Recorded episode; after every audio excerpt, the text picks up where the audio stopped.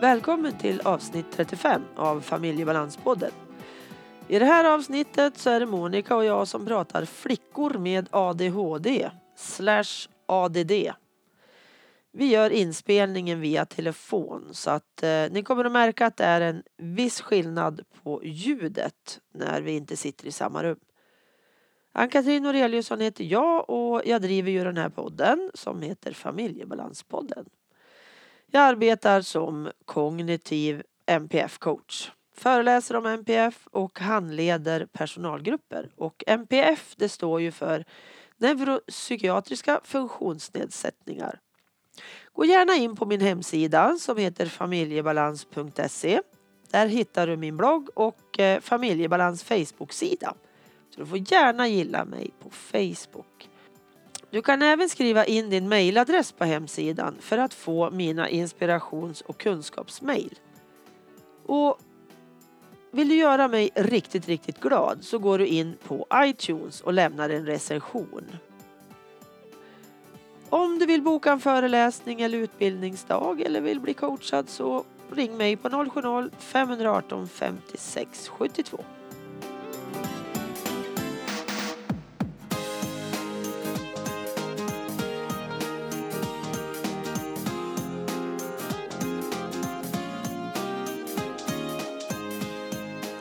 Välkommen säger jag till dig Monica. Idag ska ju du och jag prata om flickor med ADHD. Så hej på dig! Hej Ann-Katrin! Hej! Hej familjebalans, kul Ja. att jag får vara med. Ja men precis. Jo men jag tycker det är så himla spännande med de här olika människorna som jag får prata med i min podcast. Och idag då så valde jag att det var du som skulle vara med och jag tänker att du kan väl presentera dig lite själv till att börja med. Ja, jag är mamma till en flicka som har ADD. Som är 17 på sitt 18 år. Och det här har ju vi levt med, hon och jag, i många år. Och slitit med både innan och efter diagnos. Precis. Mm. Känner du dig mest som mamma eller har du ett eget liv också? Ja, den, vi har funderat lite innan vi skulle börja prata vad, vad egentligen vi ska prata om. Eller vad är det som jag, som jag tycker om den här situationen som vi har. Och det är faktiskt en av de stora delarna. Det är ju just att det är väldigt svårt att ha ork och tid till att ha ett eget privat vuxenliv. Mm. Precis, och det följer ju med även upp i åren. Det är ju inte liksom bara när man har små, småbarn som det är så. Faktiskt. Nej, nej, utan det är ju fortfarande så att jag är mycket engagerad i, i Johannas liv och skola och ja, att fixa och lösa och föreslå och, Mm. och coacha. Ja, Mm. Precis. Fortfarande, fastän hon övningskör och ska fylla 18 så är, jag ju väldigt aktiv i, i hennes liv. Mm. Jo, men precis så är det ju att vara förälder till en unge med NPF. Vi är ju med långt upp sen de har blivit vuxen eller räknas som vuxna genom att man blir det när man blir 18. Men man har ju många Mm. år kvar då innan man är självständig och klarar sig själv. Ja, Och kanske Precis. aldrig heller, tänker jag. Utan att vi behöver finnas där med den där handen i ryggen liksom väldigt, väldigt mycket längre än vad man gör med andra barn. Så.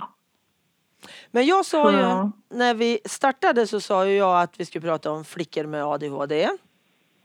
Och så Ja. sa du att Johanna hade, har ADD. Mm. Och eh, det är ju samma då som eh, min Martina. Hon fick ju också en ADD-diagnos när hon diagnostiserades. Och vad tänker du om det? Just skillnaden ADHD-ADD? Ja, när Johanna fick göra sin utredning så gick hon i nian och då hade det väl ganska nyligen blivit så att de slogs ihop tror jag. Mm. Så hon fick ju diagnosen ADHD eller, eller om det var precis, alltså jag minns inte men, men under högstadiets gång så hade vi pratat väldigt mycket om det här att du har kanske ADD och skolkuratorn hade pratat mycket med Johanna att du har nog kanske ADD och ska vi inte påbörja en utredning och vad Mm. tänker, vad vet du om ADD? Alltså, det var väldigt mycket prat om ADD och sen fick hon en, en diagnos med ADHD Mm. och då precis med samma reagerade hon väl inte så mycket på det.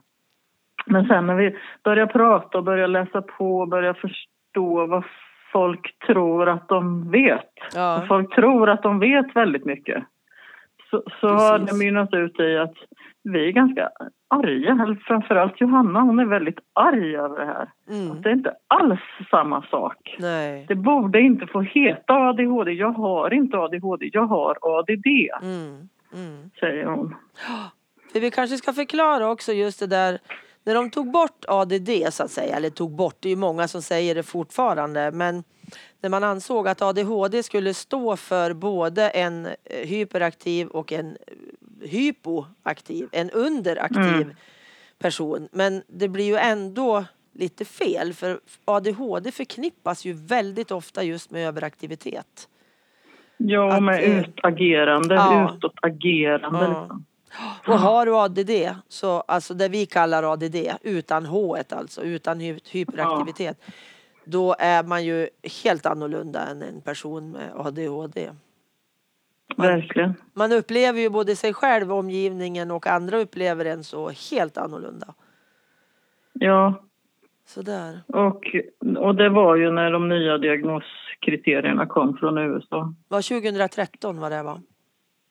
Ja, Stämmer det det, kan där med? stämma kanske. Ja. Fast de var lite förskjutna här inne i Sverige Ja. så vi var precis på gränsen på BUP Mm. där.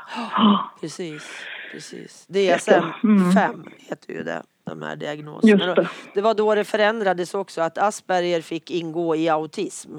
Och det var ju Ja. också väldigt stora reaktioner på. Och det är ju inte så Oh, att det försvinner. Det är ju det att man bytte lite namn på det. Men eh, speciellt personer med Asperger eller inom autism där man är, vill ha det som det alltid har varit kanske, vart det ju också väldigt svårt.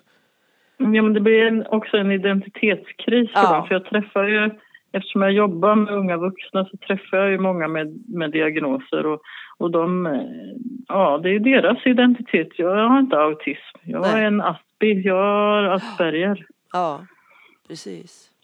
Så det blev jobbigt för dem också. Ja. Kan du berätta, vill du berätta något om ditt jobb? Vad du gör för någonting?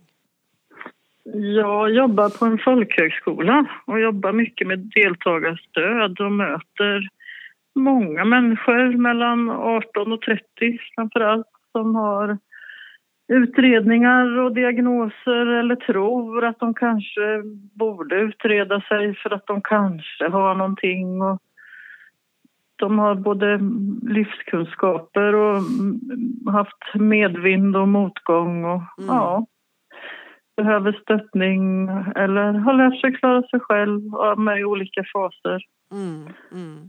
Sen möter jag ju naturligtvis jättemånga eh, som inte har någonting. Ja, så det är ju inte ja. bara de här jag träffar. Men eftersom, eftersom jag jobbar med det här så har jag ju väldigt stor nytta hemma av det jag har Ja. lärt mig i jobbet. Och jag har väldigt stor nytta på jobbet av det jag har lärt mig hemma. Ja, Så det är en jättefin kombination. Ja.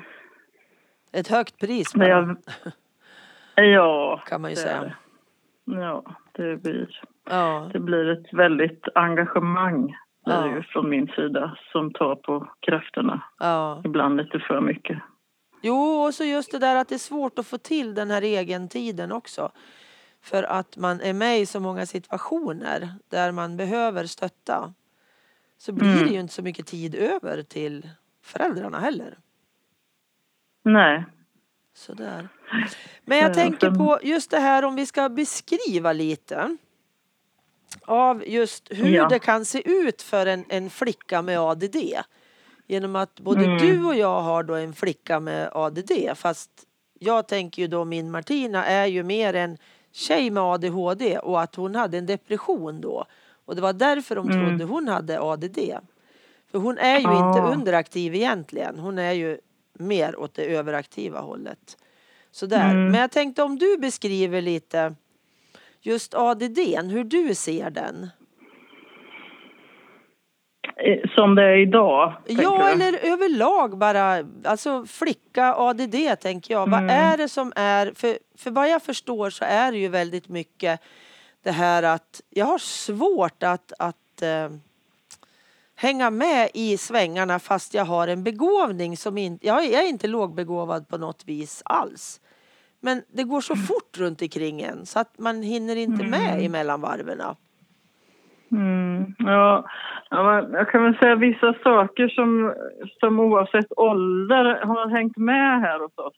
Det, och det som har varit allra jobbigast det är väl det här att Johanna har varit väldigt blyg och försiktig och inte har så lätt att ta nya sociala kontakter, vågar inte riktigt eh, knyta an till andra människor och genom alla, alla år i skola och utvecklingssamtal så har det alltid handlat om samma sak.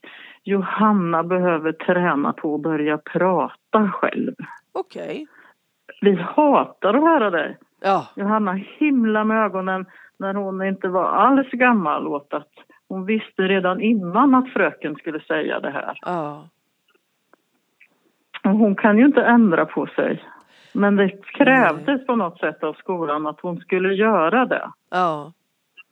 Och jag skulle backa undan och jag skulle inte prata åt henne. Och, alltså vi har fått så mycket oprofessionella råd och uppmaningar. Så bara det gör att man blir trött och utmattad och ledsen och besviken. Ja. Och när det är man- nästan den, den största grejen som har varit för oss. Okej. Plus att kanske det här att... eh, Alltså Johanna har kanske den allra största grejen varit ensamheten. Alltså det har varit svårt att få kompisar och när hon har fått kompisar så har hon nästan inte orkat vara med dem. Nej. Då är hon trött sen. Det är en, grej, en grej till och sen också det här att hur svårt det är att helt enkelt få andra människor både i skolan och med familj och så att Mm. förstå Mm. Mm.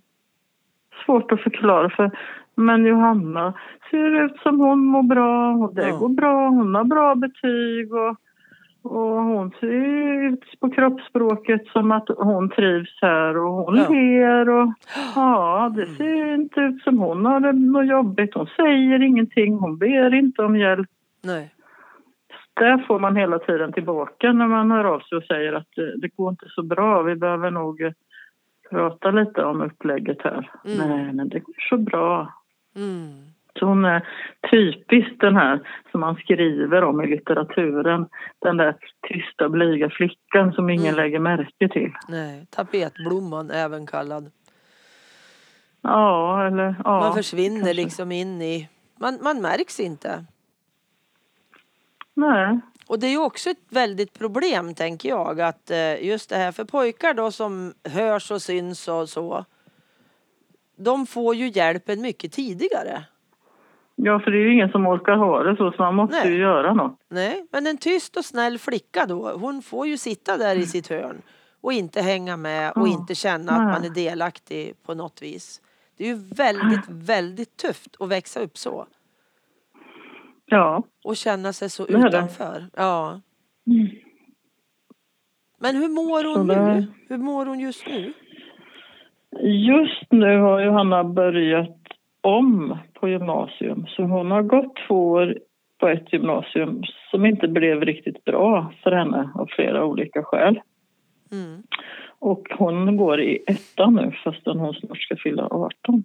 Mm. Och nu tror att hon trivs och hon har kompisar och hon kommer hem och berättar. Och vi har gjort det här och det här idag Okej. med glad röst. Ja. Och vet du mamma, för första gången i mitt liv är jag med i ett gäng.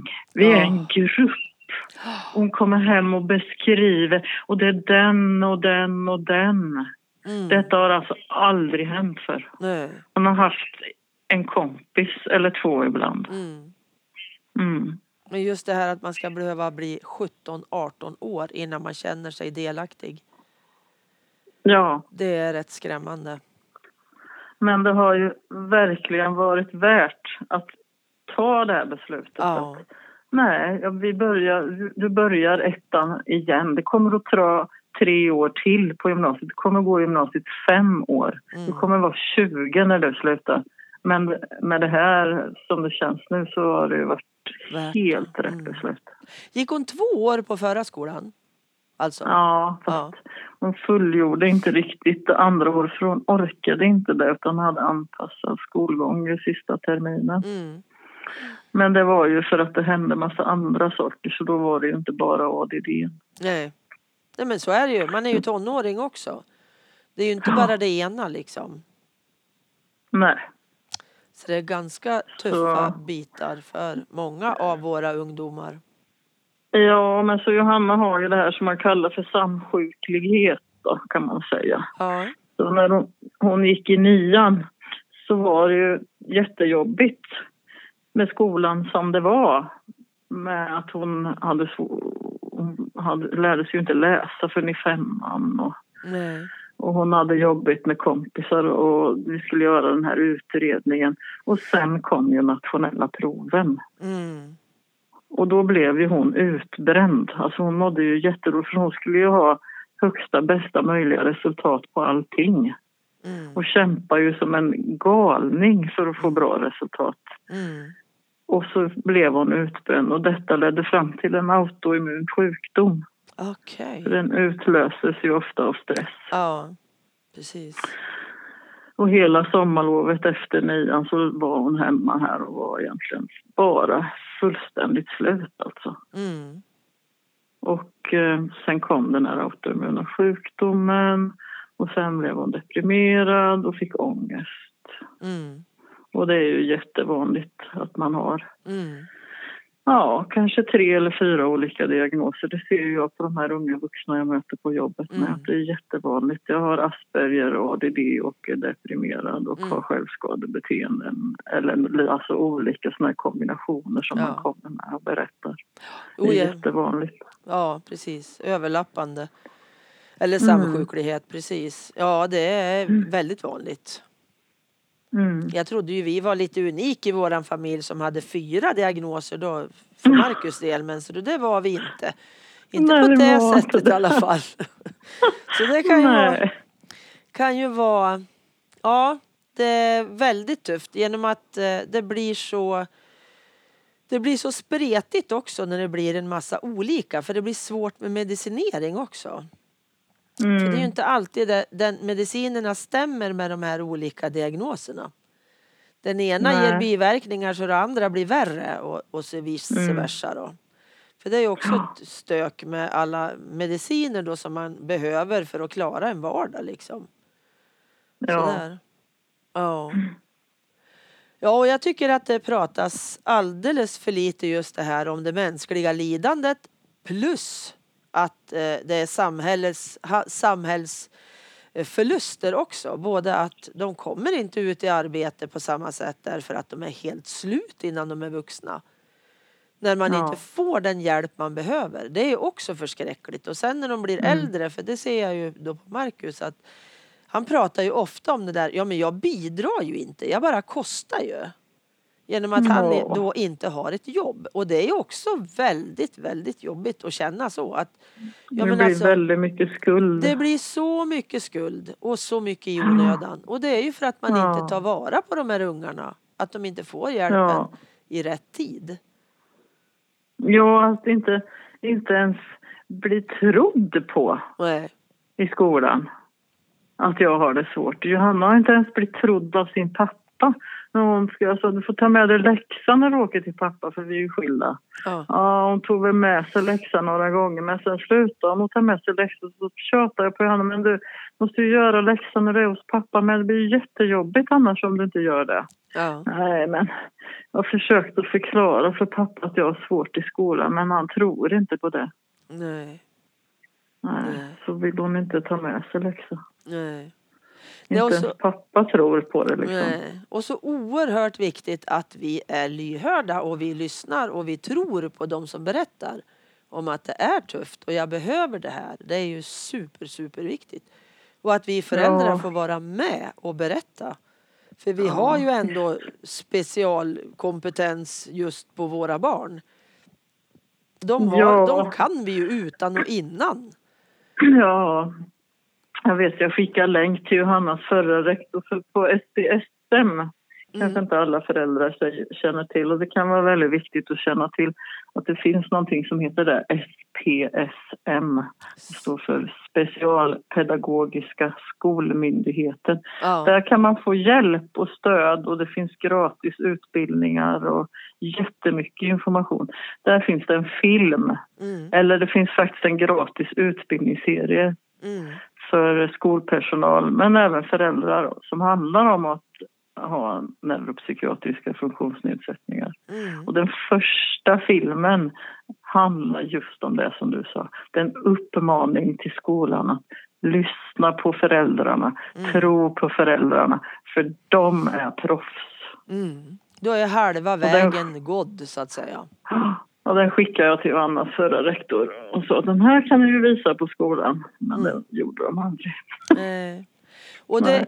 jag hör lite bitterhet i din röst ibland och jag tänker det är ju så himla lätt att hamna i den här äh, bitterheten över hur det har varit. Mm. Det är ju det. Det tror Mm. jag är otroligt vanligt alltså. Mm. Att man, man liksom blir kvar i den här känslan. Det är ingen som har lyssnat. Det är ingen som har trott oss. Och, och just det där att lyfta sig ur den för att inte må ännu sämre tänker jag. Och det är jätteviktigt att jobba med det. Ja. Att jobba med, med acceptans och förlåtande och jag gör så gott jag kan. Mm. För att eh, självklart så har jag legat här och haft verk och gråtit och varit trött och, och känt mig ensam. För det är ingen som fattar och det är ingen som lyssnar och jag får göra allt slitet själv. Mm. Det har jag gjort många timmar men Mm. Det hjälper ju inte någon. Nej. Men Det man behöver ju, ingen. Utan, nej, men man behöver ju få göra det också. Jag lär ju få vara arg och förbannad och ledsen och allt det där. Det behöver ju också komma ut. Såklart. Men att man ändå tar Men hand just om som sig. du säger, bitterheten liksom. Men, men ja, det är ju inte roligt att behöva kämpa för allting heller. Nej. Man ska inte behöva göra det tycker man, men, men det är faktiskt så. Man måste vara jättestark och jättepåläst och Ja. våga. Väl, man måste vara väldigt, väldigt modig Ja, om man ska be om hjälp. ja, Sen kan man ju ge upp, för det finns ju många som resonerar, nej det är inte mitt jobb att lära mitt barn de här sakerna, det är skolans jobb, det får gå som det går. mm, Och det är ju lättvindigt, så kan man göra, då kanske man inte själv lider som jag har gjort av och till, men jag har inte kunnat inta den positionen och hantera det på det sättet själv i alla fall. Har jag, ja, jag måste kämpa och ja, göra allt jag kan, det, det är min, min livstro. ja. Jo, man måste ju gå på sin egen. Och speciellt när man brinner för sina ungar och vill att det ska bli så bra det bara kan. För jag tror de flesta gör det. Att man Ja. verkligen sliter. Det är klart. Det är ju, jag läser ju mycket på såna här föräldrasidor på Facebook. För det finns jättemycket grupper för föräldrar som har barn. En del grupper är väldigt bra. Ja. Det är lite blandad eh, sort om man säger så. Det är lite olika. Men en del är jätte, jätte, jättebra med väldigt mycket Mm. konkreta tankar och tips och hur man liksom hur man kan göra och folk hjälper ju varandra jättemycket. Det tycker jag är så häftigt. Att- Dela med sig av kunskaper Ja, och, och inte det här som man kanske ofta får annars i samhället bemötande av att men om du ska få min kunskap så kostar det någonting. mm, mm, eller jag har inte tid nu, då får vi boka tid eller Mm. du får ställa dig i kö för Mm. den här kunskapen. mm, Men där vid de här grupperna så är det liksom, ja men det är alltid någon som vet vad det här betyder eller hur man gör när man söker Mm. det där bidraget eller hur mm. man tacklar den där rektorn när man vill ha anpassad skolgång och så vidare. Så det är himla schyssta människor tycker jag. Ja, verkligen. Och man, man gläds och man, man gråter tillsammans liksom i många av de här grupperna. Ja, det kan vara värt faktiskt att leta lite på Facebook om man nu är med där Ja. för att se och hitta för man får jättemycket stöd av andra och kan stötta själv också naturligtvis. Så att, eh, ja, det, det är Mm. väldigt värdefullt ser jag för många som har barn under uppväxt liksom och har ganska små barn. mm. För när har nått men att man, att man kan dela, man, man står inte ensam heller. Nej. Nej, Så att, eh, precis. jättebra att försöka hitta något slags forum där man är, är i en grupp med andra som, som har det på liknande sätt. Ja. Eh. Absolut. Jätteskönt. Och Jag tänkte om vi ska återgå lite till flickor med eh, ADD, ADHD. Så är det ju, Mm. för jag tänker på Johanna är ju inte en, en tjej som är ute och härjar och far och flyger och så.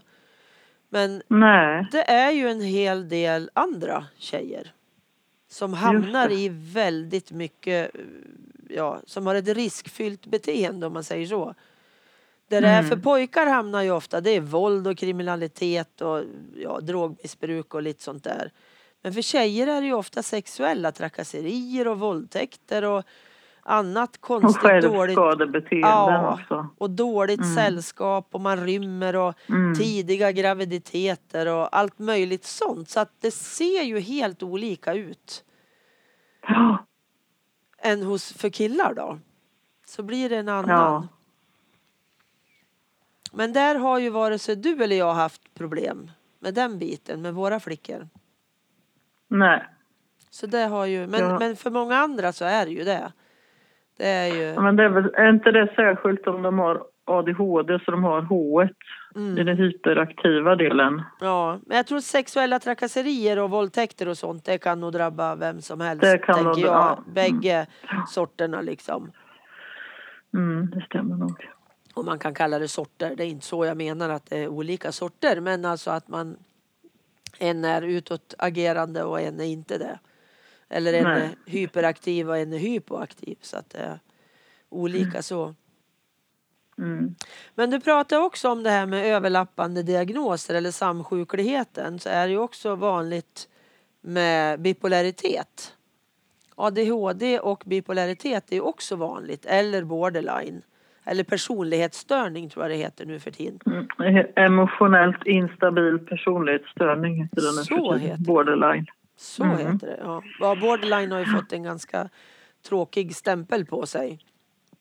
Ja, Också. men den här nya diagnosen, det är inte så, t- trå- det är inte så kul det sista ordet personligt störning, men, men den är mycket mera beskrivande av hur det Ja. faktiskt är. Ja, Just att man är egentligen hypersensitiv så att man har så mycket starka känslor och man reagerar på ett sätt som man inte riktigt kan ta kontroll över. Det handlar ganska mycket om att man dömer sig väldigt mycket. ja.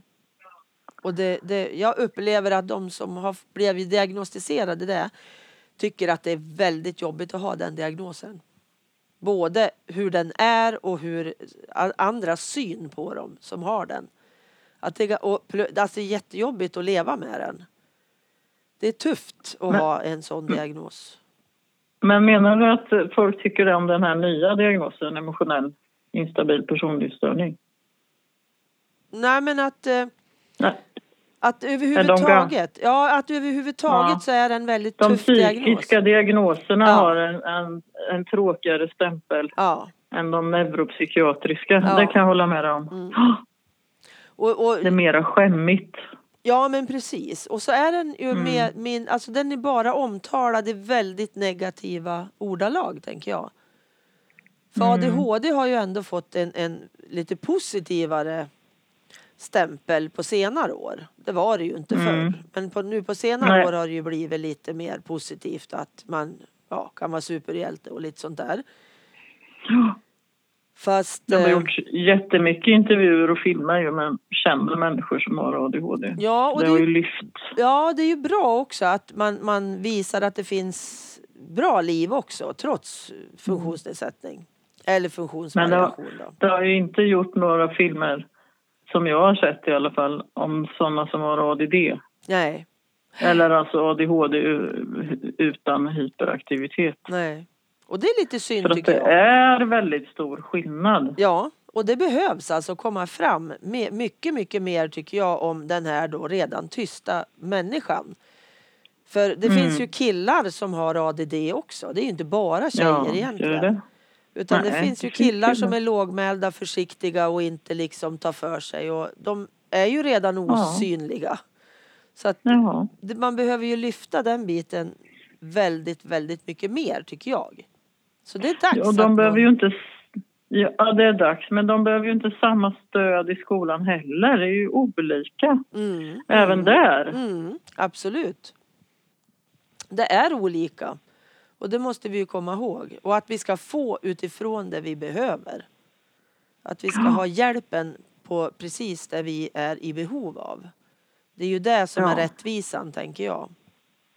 Inte att alla får lika, utan att det är anpassat precis efter mig. Ja. Ofta är ju sömnen varit- ett problem också. Sömnen, ja. ja. Hur ser det ut hos er? Och de du träffar? Ja, alltså Johanna har ju egentligen alltid sovit väldigt bra. Okej, vad skönt. Eh, utom under den här tiden sen hon fick sin sjukdom och, och sen fick depression och ångest. Det har varit en period nu som har varit, ja jag minns inte riktigt, ett, två år någonting. Där hon har sovit betydligt mycket sämre, haft svårt att somna och vaknat på nätterna. Och har ätit melatonin och Mm. vi pratar lite om eventuellt skaffa bolltäcke. Hon gör sån här sömndagbok nu Mm. för det eventuellt. Men nu har ju börjat må bättre igen så nu vet vi inte om det kanske är för sent. Om behovet kvarstår men eh, så, så nu så har hon somnat bättre och sovit bättre igen i alla fall de sista Mm. en, två veckorna här. Mm. Så det är kort, det är kort tid det har varit bättre Ja. men det känns som det har vänt. Ja, men det kanske är Johanna bra ändå nog- att få... Ja, ja kanske. Jag. har ju en, den har ju en annan funktion också även på dagtid, Mm. bolltäcket med, Mm. med ensamhetskänslor och trygghet och komma ner i varv och Mm. så. Så att man kan använda den till flera ändamål.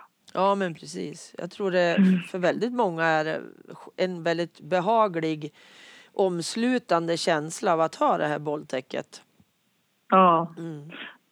Det sägs ju att den även ska hjälpa till att ge bättre fokus när man ska göra läxor och sådär. Man kan ju ha bollväst men Ja. man kan ha täcket med sig liksom i Mm. stolen där man sitter och så. Mm. Och likaså finns det ju bolldyner som man kan sitta på också för just att det är många Ja. som har liksom jobbigt att hålla upp kroppen och det där att Ja, och det kommer i något avsnitt ganska snart så kommer det och jag har pratat hjälpmedel så att eh, det Ja. kommer lite om bolltäcken och bollvästar och sånt där framöver i något avsnitt. Så att mm, eh, jättebra. ja, så det blir lite Mm, mer om ja. sådana saker. Men annars så möter jag ju jättemånga på jobbet som har jättejobbigt med sömnen. Mm.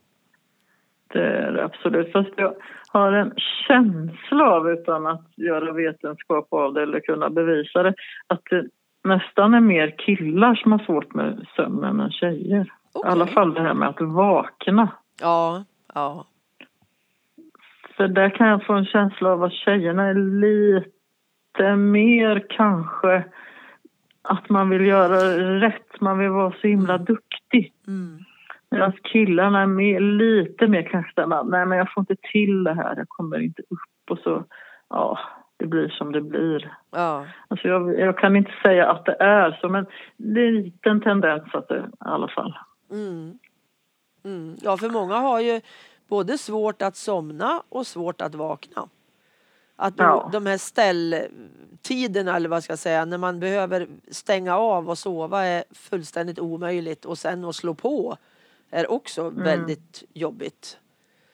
Mm. För det ser jag Mm. också och, äh, hos oss då att det är, det är ett jätteproblem alltså. Och även med mig själv kan jag säga så har jag svårt bägge vägarna. Ja, Sådär. ja, Mm. ja. Alltså jag, det, jag har ju fått, jag har ju svårare att sova än vad Johanna har. För att jag har Okej. ju så mycket oro och stress Ja. och värk och det har ju kommit, smugit sig på under åren som Mm. jag har Ja, jag lever ju också med funktionsnedsättning i min familj. Ja. Jag har ju detta in på mig hela tiden. Mm. Så Mm. jag har faktiskt gjort en egen utredning. Okej. När Johanna hade gjort sin så kände jag så nej, tänk om jag också har det där. Ja. Jag tyckte jag kände igen mig så mycket. Man blir också väldigt utfrågad under en sån här utredning. Ja. Man måste tänka tillbaka. Ja. Hur var det när du gick i skolan? Hur, hur är din mamma? Hur är din pappa?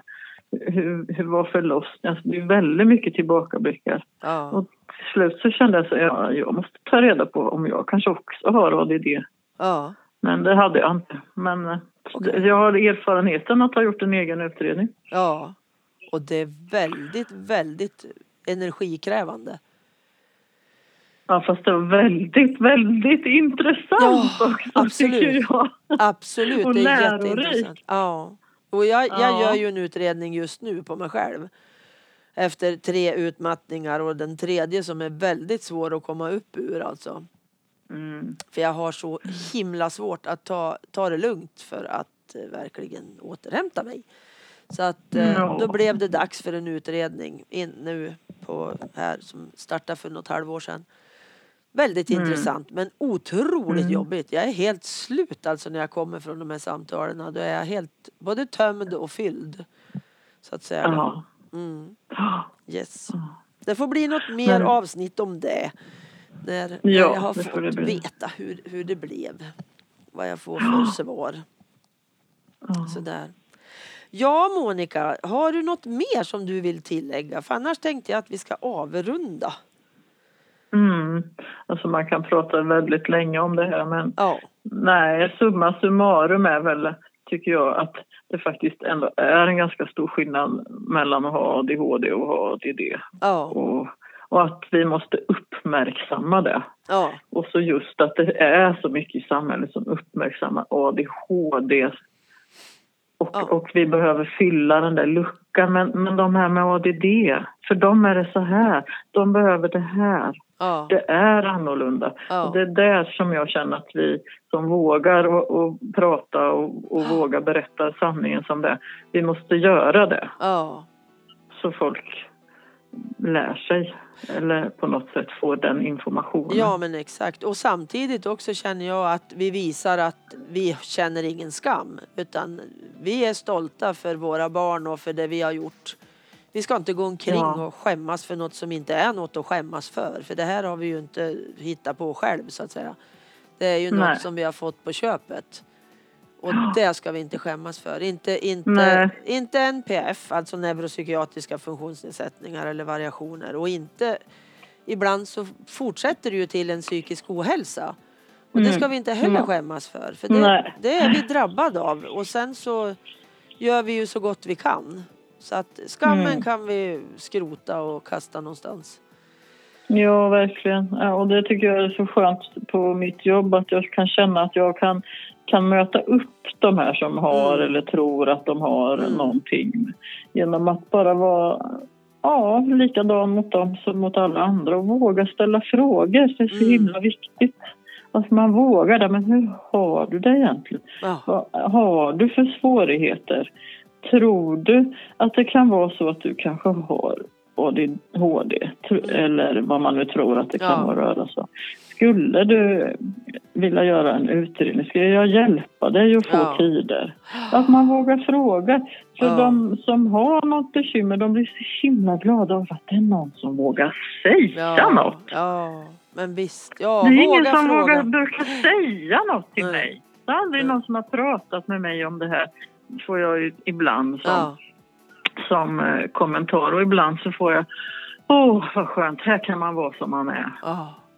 Gud vad bra att du tog upp det. Det är jätteviktigt. Jätte, jätte, jätteviktigt. Vi ska alltid Ja. våga fråga. Ja, För vederbörande kan säga nej, det vill jag inte prata om. Men de flesta blir jätteglad för att vi frågar. ja. Så är det ju. Och det släpper ju så mycket spärrar som Ja. tar så mycket energi att hålla uppe. Ja, jätteviktigt. Att bara, okej, åh, här på det här stället till den här människan kan jag säga som det är. Ja. Åh, vad skönt. Jättebra. Suveränt. Du gör det Mm. ett fantastiskt jobb både hemma och på jobbet, hör du. Ja, tack. Jag försöker i alla fall. Ja, men det gör du naturligtvis. Ja. Mm. Jo, men vi gör ju det. Vi kämpar ju. Ja, vi kämpar på. Mm. Ja, Tusen tack Monica. Tack Ann-Katrin för att jag fick vara med. Ja, för att jag fick ha det här. Det var jätte, jätteintressant och jättebra tycker jag att lyfta de här frågorna. Det Ha blir det så bra. spännande att höra. Ja. Mm, tack Yes. detsamma. Tack och tack. Hej då. Hej. Hej då. Hej.